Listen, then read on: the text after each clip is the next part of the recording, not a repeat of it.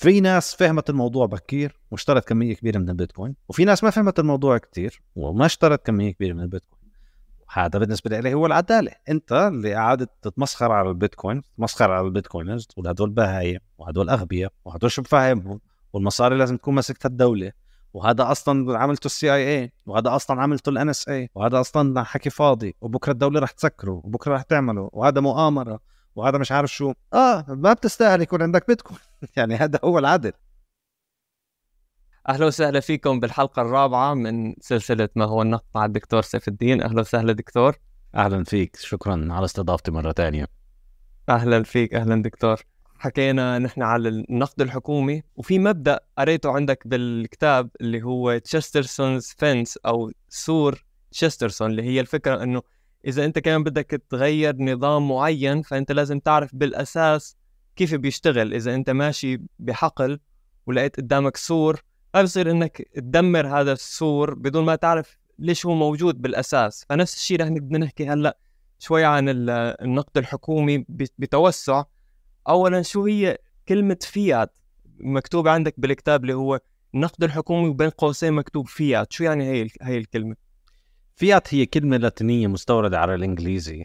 والمترجم العربي يعني قرر إنه شر... نشر أوبايكان قرروا إنه يخلوها بالعنوان لأنه أعتقد ما في لها ما في لها ترجمة حرفية في اللغة العربية. ولا بالانجليزي يعني فهي تستخدم بالانجليزي وأعتقد ربما قد ندرجها بالعربي إن شاء الله. إذا تستمر العالم تفكر بهذا الموضوع اعتقد لازم تدرج لأنه كلمة ما في لها بديل ومعناها مهم جدا خاصة في سياق النقد الحكومي. وأنا هلأ كتبت كمان كتاب أو شاركت في كتابة كتاب جديد عن اسمه فيات فود الأكل الفيات اللي هو بيشرح مدى المشكلة اللي صارت بالأكل من وراء النظام النقدي الفيات فكلمة فيات معناها أمر أو مرسوم أو أمر أو فرمان من سلطة آه، تفرضه على الناس. هو الكلمة اللاتينية هذا هو معناها وتستخدم للدلالة على النقد الحكومي. النقد الحكومي يسمى فيات ماني لأنه هو فيات بأمر حكومي. هو هو نقد بأمر حكومي. ف... وأعتقد هي كلمة يعني مهمة تعطينا على المعنى أنه فعلا هو النقد الحكومي هو نقد حكومي لأنه الحكومة بتحكي عنه نقد ولا لو ما الحكومة هو ما حدا بالدنيا بيستعمل هذا الحكي. يعني أنت بحاجة للحكومة لأنها تجبر العالم إنها تستخدمه. وفعلا يعني أنا اللي كان الهدف من كتابة كتاب ال Fiat Standard هو إنه بال Bitcoin Standard شرحت ليش البيتكوين منيح وشرحت عن مشاكل النظام الحكومي النقدي اللي عندنا إياه النظام الفيات. ولكن يعني حسيت إنه لازم إذا بدي أكتب أو ليش فعليا بدنا نشيل النظام الفيات وبده يتحط محله البيتكوين؟ أو ليش البيتكوين رح يبدله؟ لازم أعطي الفيات حقه بدراسته بتمعن كما درست البيتكوين وشرح آلية عمله. وأعتقد البيتكوين يعني البيتكوين هو نظام مالي يعمل بشكل ناجح كما نرى إنه حول العالم عشرات ربما مئات الملايين من الناس بيستخدم البيتكوين. وصار له عم بيشتغل سنين و هو عنده كل المقومات الأساسية اللازمة لأنه نظام مالي يشتغل. فبالتالي إذا هذا النظام المالي بيشتغل وعنده كل المقومات الأساسية لنظام مالي نقدر من خلال المقارنة بينه وبين نظام الفيات اللي هو بالنسبة لي معقد جدا أكثر من نظام البيتكوين نقدر نفهم كيف نظام الفيات بيشتغل. وفعليا يعني إذا أنت بتفكر البيتكوين معقد يعني حاول اسأل نفسك كيف النقد الحكومي بيشتغل. يعني أنت بتشوف ورقة بإيدك عليها صورة ملك أو عليها صورة الرئيس الأمريكي اللي كان عايش قبل 100 سنة وأنت بتروح بتعطيها للدكانه وبعطيك إغراض بدالها بس إنه مين اللي طبع هاي الورقة؟ من وين إجت هاي الورقة؟ قديش بيطلع له يطبع منها؟ مين اللي قرر كم وحدة بدهم يطبعوا؟ فوت بهاي الدهاليز وشوف كيف الفيات بيشتغل حتكتشف إنه يا محلى البيتكوين البيتكوين كثير أسهل وكثير سلس أكثر فهمه لأنه البيتكوين على ليلة يعني هو آه نظام software open source فأي حدا بيقدر يقرأ الكود وأي حدا بيقدر يفهم كيف بيشتغل. فخلينا نقارن الاثنين وبنشوف فمن خلال هذا الموضوع يعني قلت خلينا ندرس الفيات من وجهة نظر إنه كيف بنقدر نقارنه بالبيتكوين وشو بيعمل الفيات. تمام. طيب دكتور سؤال تاني كمان. أنا سأله بالحلقة الماضية بس نحن مرينا عليه بسرعة. المعروض الأقصى للنقد الحكومي شو هو؟ إحنا بنعرف بالبيتكوين 21 مليون.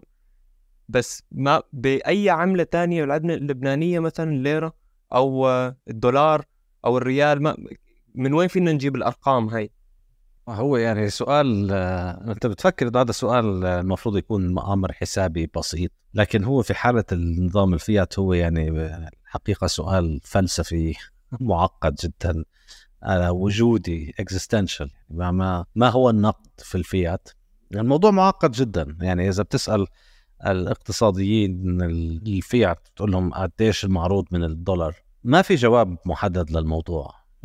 العلم عند الله يعني إنه حسب وكيف وليش وإمتى. لأنه في عندك عدة أشياء بتشكل كيف النقد الفيات بيشتغل. ففي عندك شيء اسمه بسموه M zero ال M zero بيشمل العملات الورقية والنقدية بالإضافة إلى حسابات ال checking في البنوك. فأنت إذا عندك حساب بال checking account هذا بينحسب مع ال M zero يعني هذا هو النقد الأساسي البسيط البدائي. بعدين في ال M 1 اللي هو بفوت عليه ال saving accounts بفوت عليه أنواع تانية من النقد. وفي M 2 اللي في أنواع تانية من النقد موجودة كلها عن آه، مؤسسات مصرفية حسب يعني نوع ال ال الودائع اللي موجودة عندها.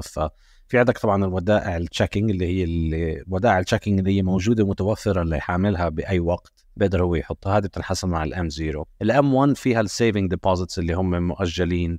هذه مصاري عندك في البنك بس أنت مش المفروض تقدر تاخذهم اليوم تقدر تاخذهم بوقت معين. ال M 2 بزيد عليهم ال money market funds يعني تفاصيل آه، ما في داعي نفوت فيها باستفاضة. لكن المهم في الموضوع إنه هو بيشمل عدة أنواع من النقود اللي موجودة في النظام البنكي التي لا يمكن حصرها وعدها بشكل سهل ولا يمكن الاتفاق على ما هو الذي يشكل النقد فعليا. يعني في ناس بتقول M 0 في ناس بتقول M 1 في ناس بتقول M 2 وكان في شيء اسمه M 3 اللي هو يعني أعتقد ربما يكون أحسن مقياس لأنه هو أكثر واحد شامل لكل أنواع النقد. هو أكبر واحد أعلى عدد دائما بيكون. ولكن المصرف المركزي الأمريكي قرر إنه بطل يجمع هاي الإحصائيات. ما حدا بيعرف قديش في ام 3 من حوالي سبع ثمان سنين. بطلوا يعدوا فماشي الأمور على السبحانية. وما حدا بيعرف قديش فهذا يعني جواب على قديش فيه بس ال ال ال أعتقد ك كجواب على كم الرقم هو مش مهم بالنسبة لي بقدر السؤال السؤال الاهم اللي هو كم يزداد هذا الرقم؟ هذا هو السؤال المهم. وهون بنلاقي إنه الرقم نسبة الازدياد راح تكون مش كتير مختلفة بين هذه المقاييس كلها. يعني لو طلعت على نسبة ازدياد الام 0 أو الام 1 أو الام 2 أو الام 3 عبر السنين والعقود الماضية مش راح تلاقي فرق كتير كبير. انه على المدى البعيد نسبة الازدياد السنوية إذا بتتغير شوي صغيرة بصير الفرق كتير كبير يعني نسبة الازدياد بين 2% و5% على 50 سنة بيعمل فرق كتير كتير كتير كبير. فصعب يكون ال M 2 يزداد ب 2% وال M 0 يزداد ب 5% فإذا بنطلع على المقياس تبع ال M 2 يعني أنا بكتاب معيار الفيات باخذ ال M 2 لأنه هو أكثر واحد في عليه آه، معلومات حول العالم والبنك الدولي ال World Bank بجمع معلومات عن ال M 2 من أغلب دول العالم. وعندك data على ال M 2 من ال 1960 لل 2020 فهذا كتابي أنا كتبته بال 2021 فجمعت data على 60 سنة. فهذا بيتيح لنا الفرصة إنه نقارن methodology أو طريقة قياس متشابهة بين كل الدول وبعطينا فكرة عن ازدياد كمية النقد في كل هذه الدول. فبيطلع معنا إنه خلال 60 سنة هاي الفترة من 1960 ل 2020 ازداد النقد الحكومي تقريبا حوالين العالم كله بنسبة حوالي 14% بالسنة. هذا هو الازدياد تبعه. فكنا بعد الذهب تذكر كنا قلنا إنه الذهب كان يزداد حوالي 1.5 ل 2% بالسنة. مع الفيات انتقلنا ل 14% بالسنة. في حالة أحسن الحالات أحسن أربع دول بنلاقي عندهم أقل نسبة ازدياد في النقود هم آه، سويسرا والسويد والدنمارك وأمريكا. هذول الأربع دول بنلاقي إنه نسبة الازدياد عندهم حوالي 7% على ال 60 سنة هاي على فترة 60 سنة. وفي حالة أسوأ الدول طبعا حدث ولا حرج يعني في عندك دول زادت 10 أضعاف بالسنة في مرات آه، أرقام خيالية. خلاصته بيطلع عنا حوالي آه، 14% المعدل. طبعا العملات اللي نسبة الازدياد عندها واطية هي العملات اللي تستعمل أكثر يعني الدولار واليورو والبريطاني والياباني يعني هاي العملات تشكل أكبر عملات مستعملة بالعالم وتشكل أكبر نسبة من العملات حول العالم. حصة الأسد من العملات اللي يستخدمها البشر حول العالم هي من هذه العملات. والعملات الثانية تشكل جزء أقل فبالتالي إذا بتاخذ المعدل الرقمي تبع كل نسب الزيادة بيطلع حوالي 30% يعني معدل نسب الزيادة هو 30% ولكن هذا هذا المعدل بعامل الليرة اللبنانية مثل الدولار الأمريكي. فإذا بتعمل المعدل للكل آه، مجموع مع بعضه بقيمته يعني بتعمل الدولار الأمريكي بألف ضعف للليره اللبنانيه اللي هو نسبيا تقريبا كمية الفرق بينه وبين بيطلع معنا المعدل حوالي 14% فالمعدل لزيادة النقد الحكومي كليا خلال 60 سنة بيطلع حوالي 14% بالسنة. نعم أوكي. وهي 14 سنة كمان تراكميه يعني بعد خمس سنين أنت 50% بتكون من ثروتك راحت. بالضبط. 14% تراكميه أكيد. يعني مصيبة.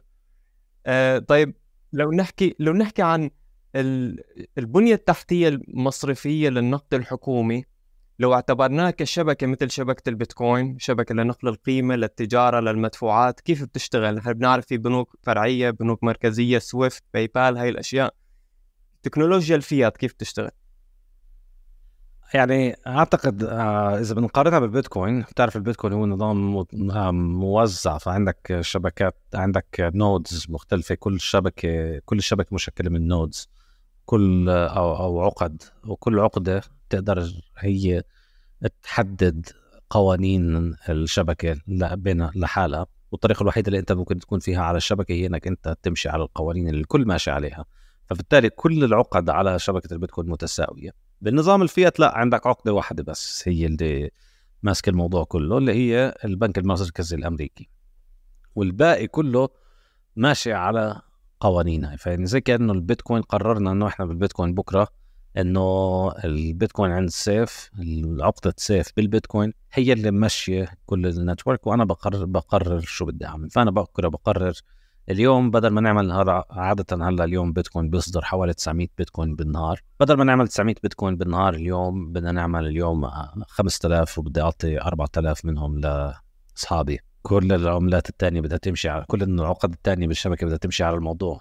إذا أنا بقرر والله آه، باسم أنت التعاملات تبعتك مش عاجبني. يعني بدي أشيلك عن الشبكة مش عاجبني شو شكلك اليومين. أخذنا كل البيتكوينات تبعونك وممنوع يكون في لك بيتكوين. هيك بيشتغل الدولار. يعني هذا وهذا الموضوع صار واضح عند كثير من العالم بعد بسنة 2022 لما الحكومة الأمريكية صادرت البيتكوين تبع الحكومة الروسية عفوا الدولار تبع الحكومة الروسية. فاذا بنطلع يعني أعتقد لما أنا كتبت هذا الكتاب ما كانش ما كانش كثير هذا الشيء واضح. أنا كتبت الكتاب ب 2020 والنشر ب 2021 يعني بالبداية أول ما النشر كانت الناس تقول لي إنه لا معقول لا كيف إنه لا ما بيقدروا يأخذوا المصاري تبعتها وبعدين اجى موضوع روسيا فرج العالم فعليا إنه أنت عم تلعب على كازينو وصاحب الكازينو بأي لحظة ممكن يطردك بقول لك أخذنا كل المصاري تبعونك وأنت ما دخلك ما لك شيء عندي. فهي اللي بتحدد كل قوانين الشبكة وهي اللي بتحدد قديش النقد بيزداد. الناس بتفكر إنه في عدة بنوك مركزية وإنه هذه البنوك المركزية بتتعامل بينها وبين بعض وإنه في توازن قوى بيناتهم. بس أنا بالنسبة لي هذا مش مزبوط لأنه كل البنوك المركزية بتشتغل على نظام على نظام الدولار. وكلياتها بتستخدم الدولار وكلياتها بتدعم عملاتها بالدولار. يعني البنك المركزي الصيني ولا البرازيلي ولا السعودي ولا حتى الروسي لحد السنة الماضية. كله كانت المدخرات تبعته مدعومة بالدولار وكلياتهم بتاجروا بينهم بين بعض بالدولار. يعني لما البرازيل بدها تتاجر مع دولة تانية ما بتبعت لها الريال البرازيلي لأنه شو مثلا السعودية إيش بدها بال... ما, ما بتقدر تعمل تستفيد من العملة البرازيلية. هي بدها تاخذ عملة بتقدر تستخدمها مع الدول الثانية فكلهم بينهم وبين بعض بتاجروا بالدولار كلهم بتعاملوا بالدولار. عشان هيك أنا بعتقد العملات الأخرى غير الدولار يعني أنا بسميهم dollar plus country risk دولار زائد أخطار الدولة. يعني قيمة العملة الثانية هي قيمة الدولار زائد المشاكل اللي بت عندها إياها الدولة. فكل ما كانت الدولة الثانية فيها مشاكل أكثر كل ما قلت قيمة عملتها مع الوقت مقارنة بالدولار. وإذا بتطلع على المدى البعيد ما في أي عملة تسبق الدولار. في عملات بتحافظ على مستواها مقارنة بالدولار وهي عملات قليلة جدا يعني. الفرنك السويسري عملات الدول العربية المصدرة للبترول الممالك العربية مثلا الريال السعودي والدرهم الإماراتي. هذه العملات حافظت على قيمتها مقارنة بالدولار عبر العقود. لكن ما في عملة بتصعد مقارنة بالدولار. لو يعني كثير من السياسات العالمية إذا نفهم المشاكل الاقتصادية العالمية هي بتيجي من وراء إنه أمريكا عم بتحارب العملات اللي عم بتكون آه، بتصعد مقارنة فيها. فمثلا في الثمانينات كانت المارك الألماني مشكلة كبيرة للأمريكان لأنه الألمان عم بيشتغلوا وعم بيصدروا وعم بزيد عندهم الفائض جدا لأنهم آه، أكبر قوة صناعية بالعالم كانوا لفترة من الفترات. فكان عم يزداد عندهم الفائض فكانت العملة تبعتهم عم تقوى وصارت الناس تستخدم المارك الألماني بدل الدولار. هذه كانت مشكلة للدولار فطبعا الأمريكان لقيوا لها حل إنه حطوا الأوروب... حطوا الألمان مع الأوروبيين اللي ما بيشتغلوا ما بيصدروا وما عندهم فائض. حطوهم بعملة واحدة فصارت ألمانيا عم تصرف على اليونان وإسبانيا وعلى إيطاليا وصارت عملتها مربوطة باليونان وإسبانيا وإيطاليا وصارت عملتها مثل الدولار. سويسرا كان عندها عملة أقوى من الدولار لفترة من الفترات. تم الضغط على سويسرا بشتى الوسائل لانهم شالوا الربط بين عملتهم وعن عن الذهب وبعدين خلوهم يبيعوا جزء كبير من الذهب تبعهم. وبعدين آه هلأ بيضغطوا عليهم إنهم يضلوا البنك المصرفي المصرف المركزي السويسري. عم بيشتري أسهم وسندات أمريكية وعم يشتري كل شيء لإنه يحافظ على إنه عشان يطبع من الفرنك عشان ما يزداد الطلب على الفرنك كثير عشان ما يهدد مكانة الدولار. فيعني هدف كل النظام هو المحافظة على قدرة الدولار الأمريكي في أنه يكون هو العملة الأساسية للعالم مما يؤدي أن الحكومة الأمريكية تستطيع أن تنهب العالم كله عبر طباعة الدولار وعبر زيادة المعروض من الدولار. أكيد نحن رح نتوقع إنه الحكومة الأمريكية رح تسوي نفس الشيء بالبيتكوين. يعني رح تحاول قدر المستطاع إنه تهجم على البيتكوين بطريقة أو بأخرى إن كانت سياسية أو تقنية أو شيء فلماذا تعتقد إنه مقاوم لهجمات الحكومة الأمريكية؟ ال ال ال الجواب على هذا السؤال هو باختصار هو إنه التقنية والتكنولوجيا فوق السياسة. السياسة والعنف تسار حسب القدرات التقنية وحسب التكنولوجيا. فبالتالي في نظام مالي يتيح للمصارف المركزية أن تتحكم بالنقد في بلادها في كل بلد. المصرف المركزي الأقوى البلد الأقوى سيتحكم بالمصارف المركزية الأخرى وسيستخدم النظام المركزي المصرفي لمصلحة هذه الدولة. ولمصلحة المستفيدين من هذه الدولة على حساب الدول الأخرى وعلى حساب البنوك المركزية الأخرى. لكن في نظام البيتكوين الموضوع يختلف. قد تحارب أمريكا البيتكوين قد تحارب الصين البيتكوين. كثير من هذه الدول قد تقوم بمحاربة البيتكوين ولكن أعتقد أن الحقيقة التقنية للموضوع هو أنها لا تستطيع أن تحارب البيتكوين وتنتصر عليه. كل ما يمكنها فعله هو أن تقلل من قدرة شعبها على الحصول والمحافظة على البيتكوين. وبالتالي هي تعطي الشعوب الأخرى القدرة على أنهم يشتروا البيتكوين بسعر منخفض أكثر وعلى أن يحتفظوا بالبيتكوين بشكل أكبر. فبالتالي يعني لا أعرف إذا كانت أمريكا ستحارب البيتكوين أو لا ولكن أعتقد أنها إذا حاربته آه، ستخسر. آه، وأن الذي سيشتري البيتكوين سيكسب. هنالك في في يعني هنالك مصرف مركزي لسويسرا ولألمانيا ولليابان وللصين بإمكان أمريكا محاربته بامكانهم قصفه وبامكانهم تدميره وبامكانهم السيطره عليه وبامكانهم طباعه النقود. ليس هنالك مصرف مركزي للبيتكوين يمكن محاربته. ليس هنالك سلطة مسؤولة عن البيتكوين. ليس هنالك شخص بإمكانك أن تضع فرد على رأسه وتقول له غير السياسة النقدية للبيتكوين. وليس هنالك وسيلة لكي تمنع العالم كله من أن يستخدم البيتكوين. العالم كله يمكن أن يستمر بالتعامل بالبيتكوين حتى لو كانت هنالك مشاكل في الطاقة وفي الكهرباء وفي الكمبيوترز وفي الإنترنت. الإنترنت هي ليست آه، يعني آه، هي تقنية يمكن لأي جهاز أن يعمل عليها. فبالتالي لا أعتقد أن هنالك فرصة سهلة لمحاربة البيتكوين. فبالتالي الشخص الذي يريد أن يحارب البيتكوين سيكتشف أن محاربته للبيتكوين هي ضد مصالحه بالنهاية هذول الأشخاص هم ليسوا ليسوا أعداء البيتكوين لمجرد أعداء. الموضوع مش آه، فريق فوتبول. إحنا مع هذا الفريق ضد هذاك الفريق.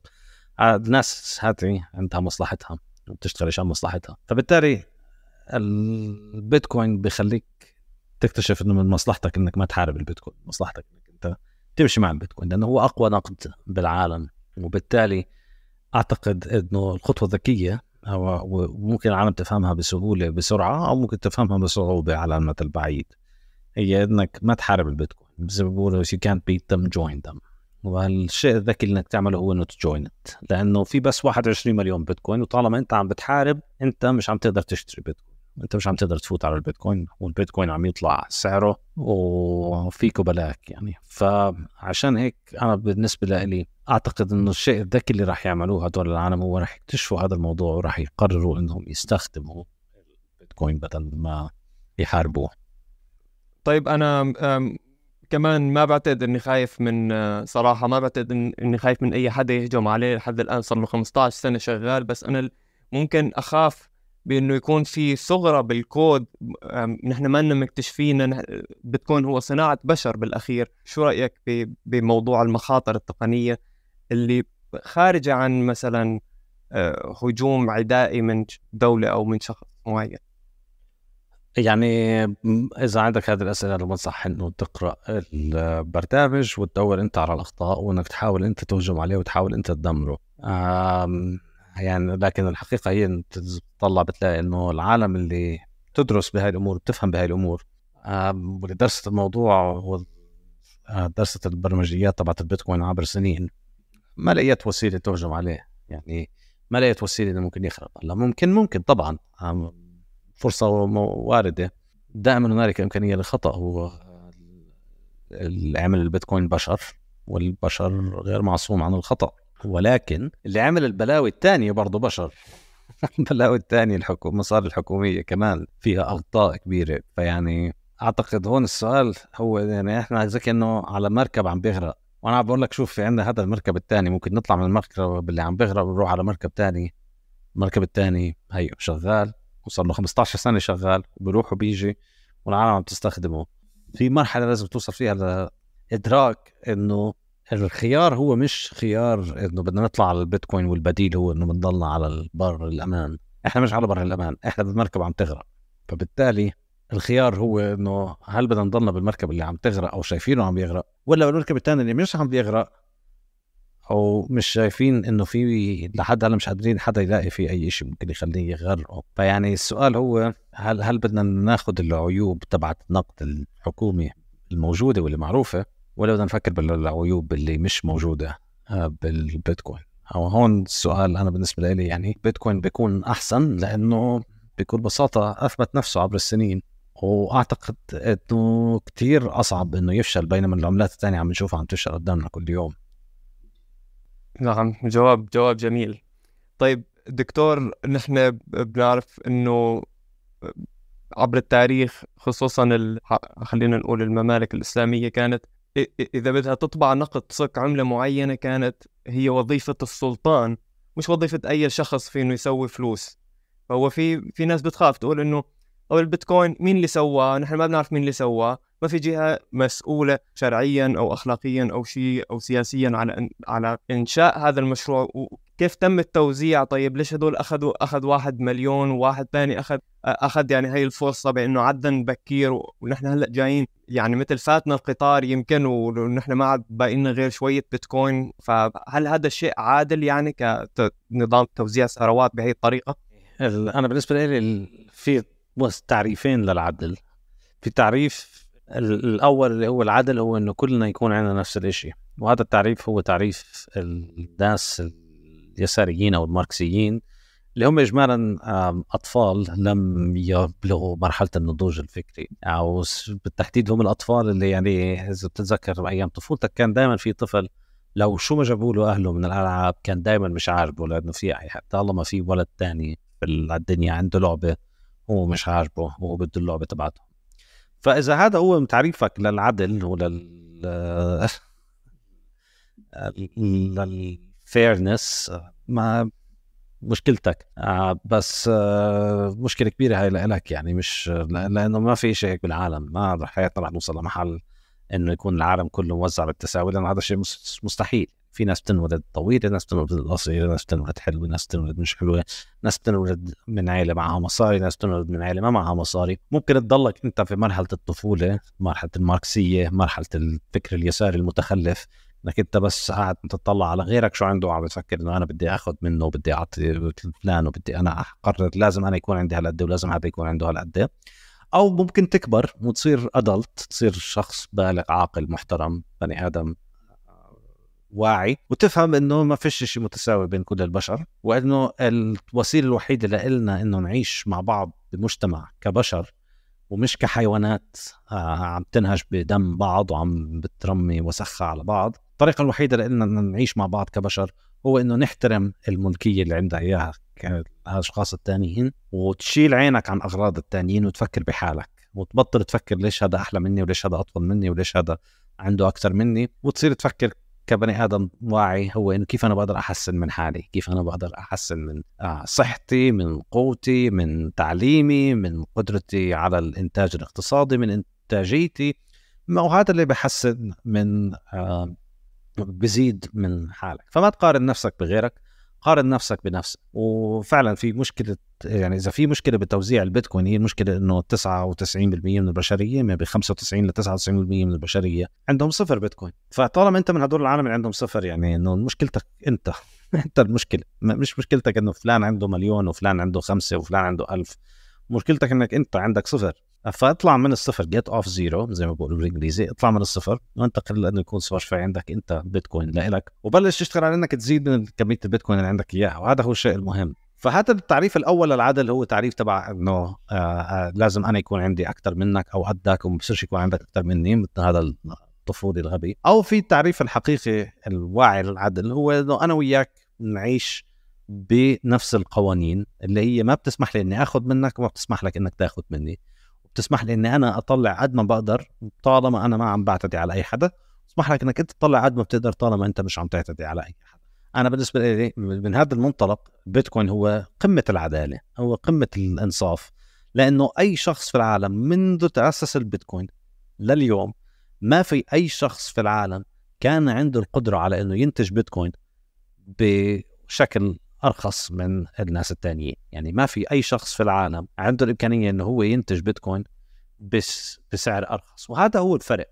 فلاحظ إنه العالم اللي اللي بتحكي لك عن عن العدل عن مثلا الكتاب اليساريين مثل بيكيتي أو الماركسيين المتخلفين اللي بيحكوا عن مشكلة ال inequality لاحظ إنه ما في أي حدا من هدول التافهين بلاقي إنه في مشكلة بال inequality تبعت إنه الحكومة والمصارف المربوطة بالحكومة والقلة القليلة أقل من 1% من الشعب اللي مستفيدين من هذه المصارف المركزية. ما في حدا من هدول المثقفين الكتاب العباقرة الجهابذة؟ بشوف إنه في مشكلة عدم إنصاف أو قلة عدل في إنه هدول الناس بيطلع لهم يطبعوا مصاري من لا شيء بينما أنا وإنت بدنا نشتغل ونكدح ونصحى كل يوم ونشتغل ونتعب عشان نطلع مصاري عشان نقدر ناكل. بالنسبة لهم مش هون المشكلة. المشكلة هي إنه فلان عنده أكثر مني وفلان ما عندوش أكثر مني. لاحظ إنه كل الناس اللي عندهم هذه الفكرة الغبية عن العدل اليساريين بالتحديد ما بيلاقوا مشكلة بإنه المصرف المركزي يكون عنده قدرة على إنه يخلق مصاري من لا شيء. وهذا بالنسبة لي مش غلطة بريئة. أي نعم هم أغبياء ومغفلين ولكن هي مش غلطة بريئة. يعني الغباء بيتجه بكل الاتجاهات. لكن السبب إنه كل اليساريين بيتجه غبائهم لهذا الاتجاه هو مش صدفة. هي لأنه التفكير اليساري هو بيجي فعليا مع التفكير تبع البنوك المركزية لأن الطريقة البنوك المركزية بتستحوذ فيها على القوة وعلى الشرعية.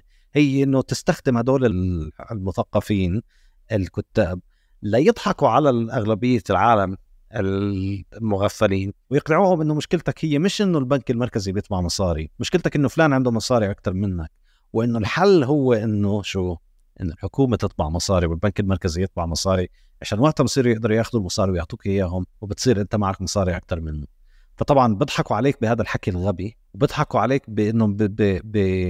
بيستفزوا ال... ال... ال... ال... الغريزة ال... ال... الغبية اللي في داخل الطفل اللي جوا البني آدم اللي لسه ما كبر وما تعلم وما صار بني آدم اللي هي ليش هذا عنده أكثر مني وليش أنا ما عنديش بيضحكوا على العالم بإنه بيستغلوا هذه الغريزة ليبرروا وجود المصرف المركزي اللي بيقدر يطبع مصاري اللي بيقدر إنه ياخذ الثروة من بين كل الناس ويعطيها للناس اللي مربوطة بالمصرف المركزي. شايف وين الكذبة بتكون؟ إنه اذا طالما أنت بالنسبة لك العدالة هي إنه لازم كلنا يكون زي بعض فأنت بتمشي مع نظام بيسمح لناس إنها تطبع مصاري من لا شيء لأنك أنت بتفكر إنه هذا الشيء راح يؤدي إنه راح ننتخب الشخص المزبوط وهذا الشخص المزبوط راح يطبع المصاري وحيوزعها علينا كلنا وراح نصير كلنا معنا مصاري منيحة ونصير كلنا عايشين بالتساوي طبعا هذا حكي عمره ما صار ما في شخص بيستلم مطبعة المصاري وبقرر إنه يوزع على الكل. أصلا لو استخدمت مطبعة المصاري واستخدمتها لتوزع على الكل مش راح تشتغل؟ رح تدمر كل الاقتصاد. يعني لو طبعنا مصاري وأعطينا للكل بتدمر الاقتصاد العملة وبتدمر الاقتصاد. وبنعيش كلنا بالفقر. فالطريقة الوحيدة اللي هي بيستمر فيها النظام المصرفي المركزي بالعمل هو إنه تكون في نسبة الطفيليات تكون نسبة صغيرة. لأنه إذا ازدادت الطفيليات كثير وقل نسبة المنتجين بيموت النظام. يعني لو وصلت الطفيليات في جسمك لحد كبير بتموت أنت وبتموت الطفيليات اللي عايشة عليك. فبالتالي تعريفي أنا للعدالة تعريفي أنا للإنصاف هو إنه كلنا عايشين في نفس القانون علينا نفس القانون. كلنا بنقدر نشتغل كلنا بنقدر نطلع مصاري وما حدا بيعتدي على الثاني وما حدا بيقدر يطلع مصاري ببلاش. والبيتكوين هو هيك لأنه البيتكوين ما في أي حدا بيقدر يطلع مصاري ببلاش. من أول بيتكوين يعني ساتوشي عمل أول block بيتكوين أو ال block number 1 بالبيتكوين هو عدنه وعمل عليه 50 طلع منه 50 بيتكوين. و50 بيتكوين هذول تبعون أول block لا يمكن إنفاقهم هو ال block الوحيد اللي 50 بيتكوين تبعونه وما بتقدر تستخدمهم so هم مش ما مش داخلين. يعني شوف حرصه على العدالة تبعت الموضوع لوين؟ إنه ما حتى سمح لحاله إنه ياخذ أول 50 block عفوا أول 50 بيتكوين في أول block لأنه أول block هو عمله ليفرجي الشبكه ليبلش الشبكة يعني عمله وسكر على ال 50 بيتكوين اللي فيهم عشان ما يقدر هو يصرفهم. وبعدين بعت للناس إنه شوفوا عدنت أول block وحط عليه الخبر من الجريدة اللي حطها اللي هو عشان يثبت إنه هذا التعدين ال block تم بهذا الموعد وما تم بموعد قبل عشان آه، العالم تعرف إنه فعلا هذا هو الأول وإنه بتقدر تبني عليه وما في مع أشياء قبله. ف من وقت ما أعلن عنه هذا الموضوع صار أي شخص بيقدر يفوت على الشبكة تبعت البيتكوين. من يوم ما سمعت أنت عن البيتكوين وكان أنت بتقدر تفوت على البيتكوين وتعدن بنفس الصعوبة اللي بعدن فيها أي شخص تاني. كان تقدر تشتري البيتكوين بالسوق اي نفس السعر اللي بيشتريه أي شخص أي شخص ثاني هذا بالنسبة لي هي قمة العدالة. في ناس فهمت الموضوع بكير واشترت كمية كبيرة من البيتكوين وفي ناس ما فهمت الموضوع كثير وما اشترت كمية كبيرة من البيتكوين. هذا بالنسبة لي هو العدالة. أنت اللي قعدت تتمسخر على البيتكوين تتمسخر على ال Bitcoiners تقول هدول بهايم وهدول أغبياء وهدول شو بفهمهم والمصاري لازم تكون ماسكتها الدولة. وهذا أصلا عملته ال CIA وهذا أصلا عملته ال NSA وهذا أصلا حكي فاضي وبكرة الدولة رح تسكره وبكرة رح تعمله وهذا مؤامرة وهذا مش عارف شو. آه ما بتستاهل يكون عندك بيتكوين. يعني هذا هو العدل. أنت طلعت قلت هذا شيء غبي. ما بيطلع لك. شو بدك؟ بعدين بعد ما اكتشفت إنك أنت اللي غبي وإنه هو مش غبي بدك تقول لهم طيب هلأ رجعوا وعدوا لي إياه من الأول وجديد وأعطوني البيتكوينات مثل الشخص اللي فهم الموضوع من الأول واستثمر فيه. لا هذا هو العدل. فلازم تفهم هذا الموضوع أنت ولازم تبلش تشتغل عليه و... و... وتفوت فيه. والمشكلة هي يعني ما فيش أي حدا متأخر يعني. صرنا لساتنا ب 15 سنة صار حيصيروا هلا 15 سنة والبيتكوين هو عم بيشتغل. ما في حدا تقريبا اليوم يعني ما سمعش بالبيتكوين. يعني أغلب البشرية صارت سامعة بالبيتكوين بالمنيح أو بالعاطل فالناس يعني ما ومع هذا 95% على الأقل من البشرية ما اشترت بيتكوين لليوم. يعني أكثر ما أعتقد في يعني بين 1% ل 5% من البشرية اللي عندهم بيتكوين بس. فيعني 95% من البشر سمعوا عن البيتكوين وما بدهم يشتروا بيتكوين. يعني ما مين بيقدروا يلوموا غير نفسهم. ولساتك اليوم تقدر تفوت قبل ما 95% من البشرية بيقدروا يفوتوا فيعني لسه بكير الموضوع كتير. ولساتك بتقدر تفوت وبتقدر تشتري من البيتكوين. وسواء فت اليوم أو فت قبل 10 سنين أو فت بعد 10 سنين نفس الشيء. البيتكوين ما راح يتغير قوانينه في بس عندك 21 مليون وأي واحد بده يشتري بيتكوين بده يقدر يشتري بسوق بسعر السوق وما حدا بيقدر ينتج من غير ما يستثمر في التعدين. فبالتالي المشكلة مش في البيتكوين المشكلة باللي بيسأل هيك سؤال. صحيح أنا أنا بتفق 100% آه، بس في في بعض الاقتصاديين اللي بيشتغلوا مع بعض البنوك المركزية العربية ما راح أحكي أسماء كتير وهن أكاديميين عندهم دكتوراه وهالحكي بيقولوا إنه سلطة طباعة النقود وصك العملة ما المفروض تكون أي حدا ياخذها لازم يكون السلطان. السلطان لازم يكون لأنه هو اللي وكلناه لأنه عنده أكبر اسم وأخلاق عالية أكيد. إنه يكون عنده السلطة صك العملة وليس أي شخص. أعتقد هذا كلام خاطئ بكل وضوح أكيد خاطئ يعني. وهذا يعني نقدر نحكي فتاوى الفيات هاي. يعني هذا فعليا الفتاوى تبعت الحكومات اللي بتطلعها الحكومات المشايخ الموالين للحكومات اللي هم بيفتوا بما يفيد الحكومات وليس بما يمليه الضمير ويمليه عليهم فهم للشريعة أو فهم للواقع أو العدل أو الصدق أو الحقيقة. اولا لم يحدد وإحنا تحدثت عن هذا الموضوع بالبودكاست تبعي استضفت عرفان حارس آه، عرفان حارس ومعاوية تكر وصفدر علم. تحدثنا عن هذا الموضوع باستفاضة. آه، أولا في الإسلام لم يحدد ما هو النقد.